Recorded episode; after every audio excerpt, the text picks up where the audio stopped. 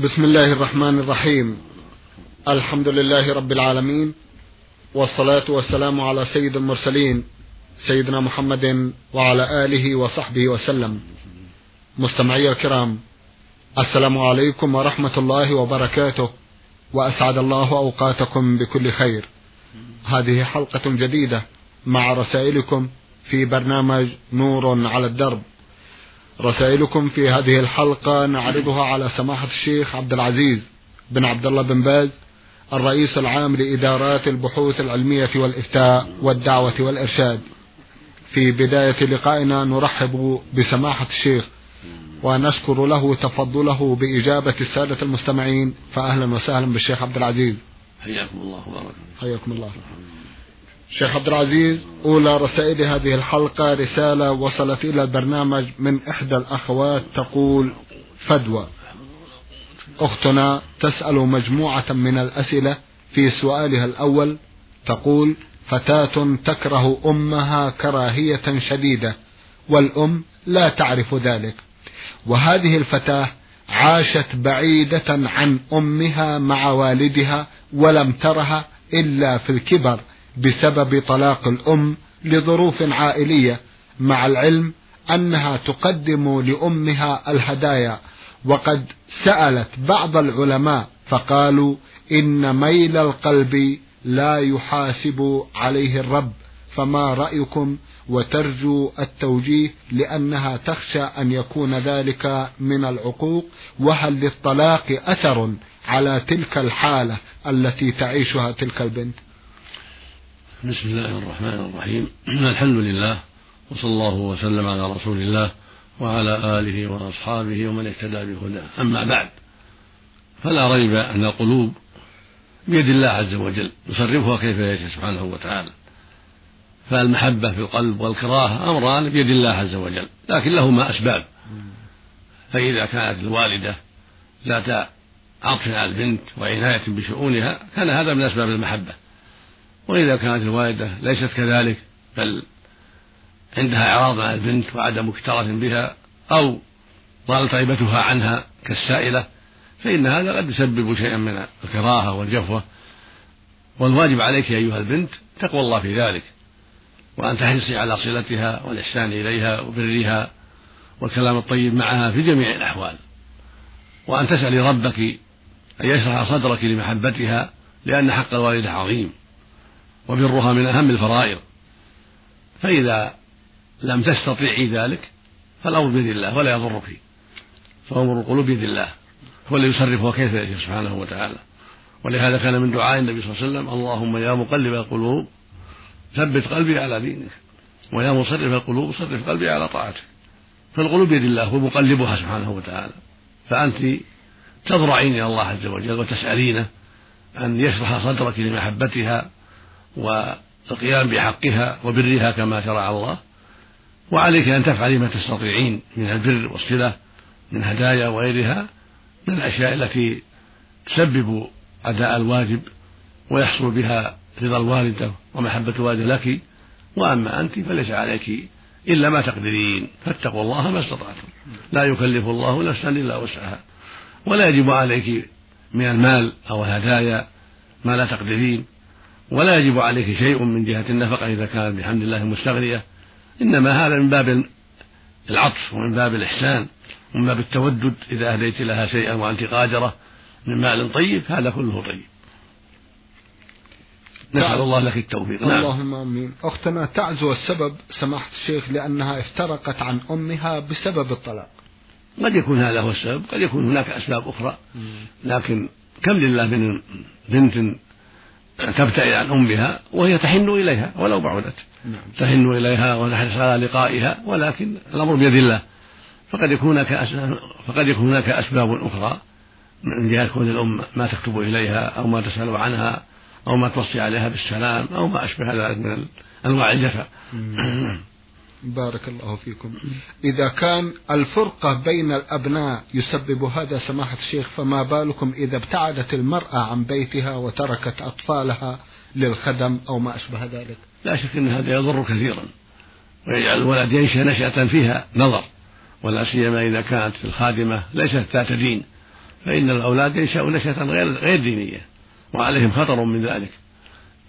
فمن الأهم أن تولى الأم تربية الأولاد التربية الإسلامية وأن تعطف عليهم وتحن عليهم وتواسيهم وتنظر في حاجاتهم وشؤونهم وتقدم ذلك على الوظيفة ما دام الزوج يقوم بحالها وحاجاتها فلا حاجة إلى الوظيفة. قيامها بأولادها وتربية أولادها والإحسان إليهم وتوجيههم إلى الخير أهم وأهم وأهم من الوظائف التي تدر مالا ليست في حاجة إليه ولا في ضرورة إليه. والله المستعان. الله المستعان. نعم. أختنا تسأل سؤالا آخر وتقول ما هي الأوقات المستحبة لصلاة التطوع؟ وهل تجوز الصلاة قبل المغرب بساعة صلاة تطوع؟ كل الليل والنهار محل تطوع كل الليل والنهار. الله جل وعلا جعل الليل والنهار خلفة. لمن أراد أن يذكر أو أراد الشكر سبحانه وتعالى. كما قال عز في كتابه العظيم هو الذي جعل الليل والنهار خلفة. لمن أراد أن يذكر أو أراد شكرا. لكن يستثنى من ذلك أوقات النهي. ما بين صلاة الفجر إلى ارتفاع الشمس هذا وقت نهي عن الصلاة. كذلك ما بين صلاة العصر إلى غروب الشمس محل نهي عن الصلاة. كذلك عند قيامها قرب الظهر عند وقفة الشمس يعني عند توسطها كبد السماء وهي وهي وهي مدة قليلة. هذا وقت نهي أيضا. أما بقية الأوقات مثل الضحى بعد ارتفاع الشمس إلى وقوف الشمس بعد الظهر كل ما بين الظهر كله محل صلاة الليل كله محل صلاة. فصلاة الضحى متأكدة وسنة مؤكدة. هكذا التهجد بالليل وبين العشاءين كله محل عبادة. فيه خير كثير وفضل كبير. لكن أوقات النهي لا يصلى فيها إلا لسبب. كصلاة الطواف لمن طاف بعد العصر أو بعد الصبح يصلي صلاة الطواف. مثل سنة الوضوء لمن توضأ يصلي ركعتين سنة الوضوء ولو بعد العصر والصبح مثل من مثل كسفت الشمس بعد العصر شرع أن يصلى لها صلاة الكسوف في أصح قولي العلماء مثل تحية المسجد لو دخل المسجد لأجل الدرس بعد العصر أو ليجلس فيه إلى الغروب سنة له يصلي تحية المسجد. هذا مستثنى ويقال لها ذوات الأسباب. هذا الصحيح أنها تستثنى ولا بأس بها في أوقات النهي. على الصحيح من أقوال العلماء. نعم. بارك الله فيكم. أختنا تقول ما هو الدعاء الذي أدعو به ليستجاب لي؟ وهل الدعاء بطلب دنيا كالزواج وغيره جائز في السجود أثناء صلاة الفريضة؟ أرجو الإجابة. الله شرع لعباده الدعاء فقال سبحانه وقال ربكم ادعوني أستجب لكم. وقال عز وجل وإذا سألك عبادي عني فإني قريب أجيب دعوة الداعي إذا دعان. والسجود محل دعاء وأحسن الأوقات للدعاء آخر الليل وجوف الليل. وجميع الليل. وهكذا السجود في الصلاة ولو فريضة. وهكذا آخر الصلاة قبل السلام بعد التحية بعد التشهد وبعد الصلاة على النبي صلى الله عليه وسلم محل دعاء قبل السلام. فينبغي لمن أراد أن يدعو يتحرى يتحرى هذه الأوقات. وهكذا بين الأذان والإقامة الدعاء لا يرد. فينبغي تحري الدعاء في هذه الأوقات. ومن أهمها آخر الليل. يقول النبي صلى الله عليه وسلم ينزل ربنا إلى سماء الدنيا كل ليلة. حين يبقى ثلث الليل الآخر فيقول من يدعوني فأستجيب له. من يسألني فأعطيه. من يستغفر فأغفر له. في اللفظ الآخر فيقول سبحانه هل من داع؟ فيستجاب له. هل من سائل؟ فيعطى سؤله. هل من تائب؟ فيتاب عليه. حتى ينفجر الفجر. هذا الوقت العظيم ينبغي للمؤمن والمؤمنة أن يكون لهما في حظ بالتهجد والصلاة والدعاء والاستغفار. وهذا التنزل الإلهي تنزل يليق بالله جل وعلا لا يشابه في خلقه سبحانه وتعالى. فهو ينزل جل وعلا نزولا يليق بجلاله. لا يعلم كيفيته إلا هو سبحانه وتعالى. ولا يشابه خلقه في شيء من صفاته كالاستواء والرحمة والغضب والرضا والمجيء ونحو ذلك. يقول سبحانه الرحمن والعرش استوى يعني استواء يليق بجلاله. ومعناه العلو والارتفاع فوق العرش. لكنه استواء يليق بالله. لا يشابه في خلقه. فهكذا التنزل في آخر الليل. هو تنزل يليق بالله لا يشابه في خلقه ولا يعلم كيف ولا يعلم كيفيته إلا هو سبحانه وتعالى كما قال عز وجل ليس كمثله شيء وهو السميع البصير. وكما قالت أم سلمة في الاستواء لما سئل عن الاستواء قالت رضي الله عنها وهي أم المؤمنين إحدى زوجات النبي صلى الله عليه وسلم قالت الاستواء غير مجهول والكيف غير معقول والإقرار به إيمان وإنكاره كفر. وقال ربيعة بن أبي عبد الرحمن شيخ مالك أحد التابعين رحمه الله لما سئل عن ذلك قال الاستواء غير مجهول والكيف غير معقول مثل ما قالت أم سلمة. ومن الله الرسالة وعلى الرسول التبليغ وعلينا التصديق. يعني على الأمة التصديق. يعني على الوجه لا يقبل الله سبحانه وتعالى. ولما سئل مالك رحمه الله إمام دار الهجرة في زمانه في القرن الثاني عن الاستواء قال الاستواء معلوم. يعني انه العلو والارتفاع والكيف مجهول لا نعلم كيفيته. والإيمان به واجب والسؤال عنه بدعة. وما أراك إلا رجل سوء ثم أمر بإخراجه. هذا الذي قاله مالك وربيعة وأم سلمة رضي الله عن الجميع. هو قول العلماء كافة. وقول علماء السنة كافة. من الصحابة ومن بعدهم. كلهم يقولون في أسماء الرب وصفاته أنها يجب إثباتها لله على وجه اللائق به سبحانه وتعالى. فالإقرار بها واجب والإيمان بها واجب والتكييف منفي لا يعلم كيفيتها إلا هو سبحانه وتعالى. ولهذا يقول سبحانه ولم يكن له كفوا أحد. ويقول عز وجل ليس كمثله شيء وهو السميع البصير. ويقول سبحانه فلا تضربوا لله الأمثال إن الله يعلم وأنتم لا تعلمون. هكذا النزول آخر الليل الكلام فيه واحد. ينزل ربنا كما يشاء على الوجه اللائق به سبحانه وتعالى ولا يعلم كيفيته إلا هو سبحانه وتعالى. وهكذا يغضب على أهل معصيته والكفر به وهكذا يرضى عن أهل طاعته وهكذا يحب أولياءه ويبغض أعداءه كلها تليق بالله. بغض ومحبة وغضب ورضا كله يليق بالله. لا يشابه غضب المخلوقين ولا بغض المخلوقين ولا محبة المخلوقين بل ذلك إليه سبحانه. على الوجه اللائق به جل وعلا. من غير تشبيه ولا تعطيل ولا تكييف ولا تمثيل هذا قول أهل السنة والجماعة. هو قول أهل الحق في جميع الصفات. فالواجب التزام هذا القول والثبات عليه والرد على من خالفه. والله المستعان. بارك الله فيكم. إذا من الأوقات المستحبة لرفع الدعاء ومن الأوقات المؤمل فيها الإجابة الثلث الأخير من الليل نعم. حيث ينزل ربنا سبحانه نعم. وتعالى كما تفضلت وهكذا السجود ولو في الفريضة أيوة. يقول النبي صلى الله عليه وسلم أما الركوع فعظموا فيه الرب وأما السجود فاجتهدوا في الدعاء فقبل أن يستجاب لكم فحري أن يستجاب لكم نعم. وقال عليه الصلاة والسلام أقرب ما يكون العبد من ربه وهو ساجد فأكثر الدعاء فإذا سألت المرأة زوجا صالحا في السجود أو في آخر الصلاة أو في آخر الليل أو ذرية طيبة أو مالا حلالا وهكذا الرجل سأل ربه أن يعطيه زوجة صالحة أو مالا حلالا كل ذلك طيب. والزواج من الخير العظيم ليس من الدنيا المحضة. بارك بل فيه خير بل هو من العبادات النكاح عبادة. طيب. وفيه مصالح كثيرة للرجل والمرأة. إذا سألت المرأة في السجود أو في آخر الصلاة أو في آخر الليل أن الله يهبها زوجا صالحا وذرية صالحة هذا من أفضل الدعاء. وهكذا بقية الحاجات. اللهم أغنني بفضلك عن عمن سواك. اللهم يسر لي مالا طيبا حلالا. اللهم أغنني عن سؤال خلقك. اللهم ارزقني ذرية صالحة وما أشبه هذا مما يحتاجه الناس. نعم. بارك الله فيكم. أختنا تسأل مع من يسأل؟ من إخواتنا المستمعات سماحة الشيخ عن تغطية اليدين والرجلين في الصلاة هل هو واجب على المرأة أم يجوز كشفها؟ وإذا ولا سيما إذا لم يكن هناك أجانب أو كانت في الصلاة مع نساء. أما الوجه فالسنة كشفه في الصلاة إذا لم يكن هناك أجانب السنة كشفه في الصلاة. وأما القدمان فالواجب سترهما عند جمهور أهل العلم عند الأكثر من أهل العلم الواجب سترهما وفي خلاف بعض أهل العلم يسامح, يسامح في القدمين ولكن الجمهور على المنع وأن الواجب سترهما. ولهذا روى أبو داود رحمه الله عن أم سلمة رضي الله عنها أنها سئلت عن المرأة تصلي في خمار وقميص قالت لا بأس إذا كان الدرع يغطي ظهور قدميها. فستر القدمين أولى وأحوط بكل حال. أما الكفان فأمرهما أوسع.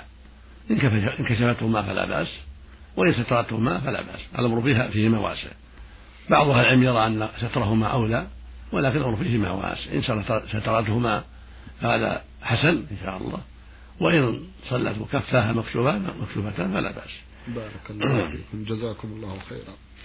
يا أخت فدوى ابعثي بما لديك من أسئلة لكن اعذرينا إذا تأخر الرد. أما عنوان البرنامج فهو ما بعثت إليه برسالتك هذه. الرياض الإذاعة برنامج نور على الدرب. أخونا حسين فالح القضاء من الظهران بعث برسالة وضمنها مجموعة من الأسئلة. يقول في سؤاله الأول كيف يحدد المسلم علاقته بالآخرين غير المسلمين من حيث المعاملة ومن حيث الاشتراك بحفلات توديعه لبعض الزملاء غير المسلمين؟ هذا أمر فيه تفصيل. طيب. فإن الكافر له حالات مع المسلم غير حالاته مع الكفار وغير حالات المسلم مع إخوانه المسلمين. المقصود أن المسلم لا يبدأ الكافر بالسلام ولا مانع بل يجب أن يرد عليه إذا سلم يقول وعليكم ولا مانع من أن يسأله عن أولاده كيف حاله كيف أولادك لا بأس ولا بأس أن يأكل معه إذا دعت الحاجة إلى ذلك. ولا بأس أن يجيب دعوته كما أجاب النبي دعوة اليهود عليه الصلاة والسلام وأكل من طعامهم لكن لا يتخذه صديقا ولا حبيبا ولا يواليه بمعنى ينصره على أخيه المسلم أو يعينه على أخيه المسلم بل يتخذه من عرض الناس ليس له خصوصية في صداقة ما دام العمل يجمعهما. إنما يرد عليه السلام إذا سلم عليه يسأله عن حاله يبيع أو يشتري منه فالنبي باع من أهل الكتاب واشترى عليه الصلاة والسلام. ورد عليهم السلام وأجاب دعوتهم كل هذا لا حرج فيه. إنما المحذور أن يتخذه صديقا أو وليا هذا لا يجوز. فالمشركون بعضهم أولياء بعض أولياء بعض وأهل الإيمان بعضهم أولياء بعض وإذا وكان هناك حفلة لتوديع بأن دعا بعضهم بعضا للتوديع هذا توقيه أولى. عدم الحضور أولى. دعوة لتوديع كافر البعد عن هذا أولى لأن فيه شيء من الاحترام وشيء من التعظيم فترك هذا أولى وأحوط فيما أرى. نعم. بارك الله فيكم. أخ من العراق يقول يوسف جوهر عمر بعث بسؤال يقول فيه قال رسول الله صلى الله عليه وسلم سيأتي زمان على أمتي لا يبقى من الإسلام إلا اسمه ومن الإيمان إلا رسمه. ومن القرآن إلا حرفه همهم بطونهم دينهم دراهمهم قبلتهم نساؤهم لا بالقليل يقنعون ولا بالكثير يشبعون. السؤال هل الحديث صحيح؟ وهل يدل على اقتراب يوم القيامة؟ لا أعلم صحة هذا الأثر ولكن جاء معنى بعضه عن علي رضي الله عنه أنه قال يأتي على الناس زمان لا يبقى في من الإسلام إلا اسمه ولا من القرآن إلا رسمه. مساجدهم عامرة وهي خراب من الهدى.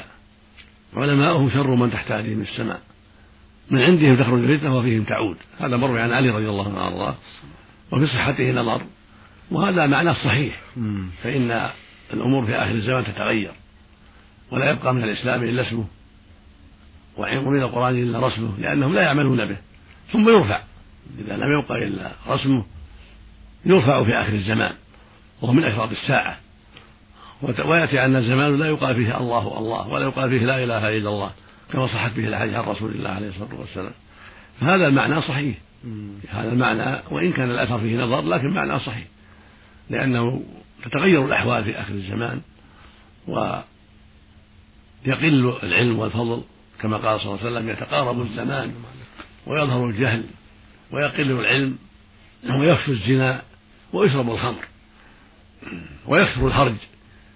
إذا رسول الهرج قال القتل القتل كل هذا واقع كما أخبر به النبي عليه الصلاة والسلام. وكذلك في آخر الزمان تعمر المساجد باللبن بالحجر بالإسمنت بأنواع العمارة ولكن يقل قاصدوها والمصلون فيها. لقلة الرغبة في الخير وقلة الإيمان وضعف الوافع الإيماني كذلك يوجد علماء لكن منحرفون عن الهدى في آخر الزمان وقد وجدوا في هذا الزمان وفي غير هذا الزمان ولكن يزداد الأمر شدة. يكونون علماء سوء علماء ضلالة يدعون إلى الفساد والشر وإلى الشرك بالله عز وجل وإلى البدع والخرافات. وهم علماء في الاسم ولكن الحقيقة ليسوا بعلماء لضلالهم وبعدهم عن الهدى. نسأل الله السلامة. جزاكم الله خيرا. يسأل ويقول الطرائق الأربعة ولا أدري لعله يقصد المذاهب سماحة الشيخ فيقول الطرائق الأربعة الأحمدية والشافعية والمالكية والحنفية. هل هذه الطرائق صحيحة؟ وفي أي زمن وجدت؟ هذه المذاهب الأربعة أصل المذاهب الأربعة. نعم. الأحمدية يعني مذهب أحمد بن حنبل نعم. والشافعية أتباع الشافعي محمد بن الشافعي رحمه الله. والمالكية أتباع الإمام مالك بن أنس رحمه الله والحنفية أتباع أبي حنيفة النعمان بن ثابت رحمه الله. هذه مذاهب معروفة انتشرت في القرون المتأخرة في القرن الثالث وما بعده. أما مذهب أبي حنيفة فعرف وانتشر في القرن الثاني وهكذا مثل مالك في القرن الثاني. وأما مذهب الشافعي ومالك فاشتهر بعد ذلك في القرن الثالث وما بعده. وهم على خير وعلى هدى وعلى حق. رضي الله عنهم ورحمهم. فهم علماء هدى علماء خير. ولكن ما ليس معناه أن كل واحد معصوم ما يقع من خطأ؟ كل واحد له أغلاط حسب ما جاءهم حسب ما بلغهم من السنة وحسب ما عرفوا من كتاب الله عز وجل. فقد يفوت بعض, بعض بعضهم شيء من العلم وشيء من السنة. هذا أمر معلوم. هم وغيرهم كالأوزاعي وإسحاق بن راهوية وسفيان الثوري وسفيان بن عيينة ووكيع بن الجراح وإبراهيم الكلبي وغير ذلك من من من الأئمة المعروفين. كل واحد منهم قد يفوته بعض العلم لأن كل ليس كل واحد يحيط بالسنة ويحيط بالعلم قد يفوته بعض الأشياء لكنهم أئمة هدى ولهم أتباع نظموا مذاهبهم وجمعوا مسائلهم وفتاواهم وكتبوا في ذلك حتى انتشرت هذه المذاهب. وعلمت بسبب أتباعهم الذين ألفوا فيها وجمعوا فيها مسائل هؤلاء الأئمة وما أفتوا به في ذلك. فقد يقع بعض الأخطاء من بعضهم لأنه لم تبلغه السنة في بعض المسائل فأفتى باجتهاده فقد يقع الخطأ من أجل ذلك. والآخر بلغه الحديث وعرف الحديث فأفتى بالصواب هذه تقع لكل واحد منهم في مسائل معدودة. نعم. رحمهم الله. نعم. جزاكم الله خيرا. أيضا يقول ما هي الأدعية التي تقال لغرض التخلص من وسوسة الشيطان؟ يدعو الإنسان بما يسر الله له من الدعوات اللهم أعني من الشيطان. اللهم أجرني من الشيطان. اللهم احفظني من الشيطان. اللهم أعني على ذكرك وشكرك وحسن عبادك. اللهم احفظني من مكائد عدوك الشيطان. ويكثر من ذكر الله. ويكثر من قراءة القرآن. ويتعوذ بالله عند وجود الوسوسة. إذا عرض له الوسواس يتعوذ بالله من الشيطان الرجيم. حتى ولو في الصلاة إذا غلب عليه الصلاة ينفث عن يساره ثلاث مرات ويتعوذ بالله من الشيطان ثلاث مرات. فقد صح عن رسول الله صلى الله عليه وسلم أنه شكا إليه عثمان بن أبي العاص الثقفي ما يجده من الوساوس في الصلاة فأمره أن ينفث عن يساره ثلاث مرات ويستعيذ بالله من الشيطان وهو في الصلاة. ففعل ذلك فعرف الله عنه ما يجد. فالحاصل أن المؤمن والمؤمنة إذا ابتلي بهذا الشيء عليهما أن يجتهدا في سؤال الله العافية من ذلك وأن يتعوذ بالله من الشيطان كثيرا وأن يحرص على مكافحته فلا يطاوعانه لا في الصلاة ولا في غيرها. إذا توضأ يلزم أن يتوضأ ولا يعيد الوضوء إذا صلى يلزم أن يصلى ولا يعيد الصلاة. يكبر يجب أن يكبر ولا يعيد التكبير. مخالفة لعدو الله ومحاربة له. هكذا يجب على المؤمن أن يكون عدوا للشيطان محاربا له مكافحا له. لا يخضع له. فإذا قال أملأ عليك أنك ما ما توضيت ما صليت وأنت تعرف أنك توضأت وصليت. تشوي يديك في الماء وتعلم أنك صليت فلا تطاوع عدو الله اجزم بأنك صليت واجزم بأنك توضأت ولا تعد شيئا من ذلك. وتعوذ بالله من عدو الله الشيطان. هكذا يجب على المؤمن يكون قويا في حرب عدو الله وفي مكافحته حتى لا يغلب عليه وحتى لا يؤذي فإنه متى غلب على الإنسان جعله كالمجنون يتلاعب به. فالواجب على المؤمن وعلى المؤمنة الحذر من عدو الله الاستعاذة بالله من شره ومكائده وبالقوة في ذلك والصبر في ذلك حتى لا تطاوعه في إعادة صلاة ولا في إعادة وضوء ولا في إعادة تكبير ولا في غير ذلك. وهكذا إذا قال لك ثوبك نجس البقعة نجسة الأرض وطيتها نجسة آه، مصلاك في كذا فاحذر أن تطيع في ذلك. كذب عدو الله واستعذ بالله من شره وصل في المكان اللي تصلي فيه والسجادة اللي تصلي عليها كذلك والأرض التي تطأ عليها أعرف أنها طاهرة إلا إذا رأيت بعينك نجاسة وطئتها رطبة اغسل رجلك والحمد لله. أما وساوس الأرض هذه فيها نجاسة الحمام فيه نجاسة كذا كذا هذه كلها من عدو الله. لا تطاوع عدو الله. واعرف أن الأصل هو الطهارة هذا هو الأصل. فلا تطاوع عدو الله في شيء إلا بيقين رأيته بعينك وشاهدته بعينك حتى لا يغلب عليك عدو الله. نسأل الله للجميع العافية. اللهم من سماحة الشيخ صاحب هذا السؤال هو الأخ السائل عن المذاهب الأربعة. نسأل الله أن يوفقنا وإياه للعلم النافع والعمل الصالح وأن يعيذنا وإياه من شر عدو الله الشيطان. اللهم آمين. جزاكم الله خيرا. لعل لاختيار مذهب معين أو كذا سماحة الشيخ له علاقة بهذا السؤال؟ هذا في حق طلبة العلم. أهل العلم عليهم أن أن لا يقلدوا أحدا. ولكن إذا انتسب إلى أحد المذاهب من باب الانتساب لأنه رأى قواعده وأصوله توافقه فلا بأس. لكن ليس له يقلد زيد أو عمر لا الشافعي ولا أحمد ولا مالك ولا أبا حنيفة. بل عليه يأخذ من حيث أخذوا وأن ينظر في الأدلة. فما رجح في الأدلة في مسائل الخلاف أخذ به. وأما ما أجمعوا عليه فالحمد لله. لكن في مسائل الخلاف ينظر في الأدلة. طيب. فإذا كان الدليل مع أبي حنيفة أخذه.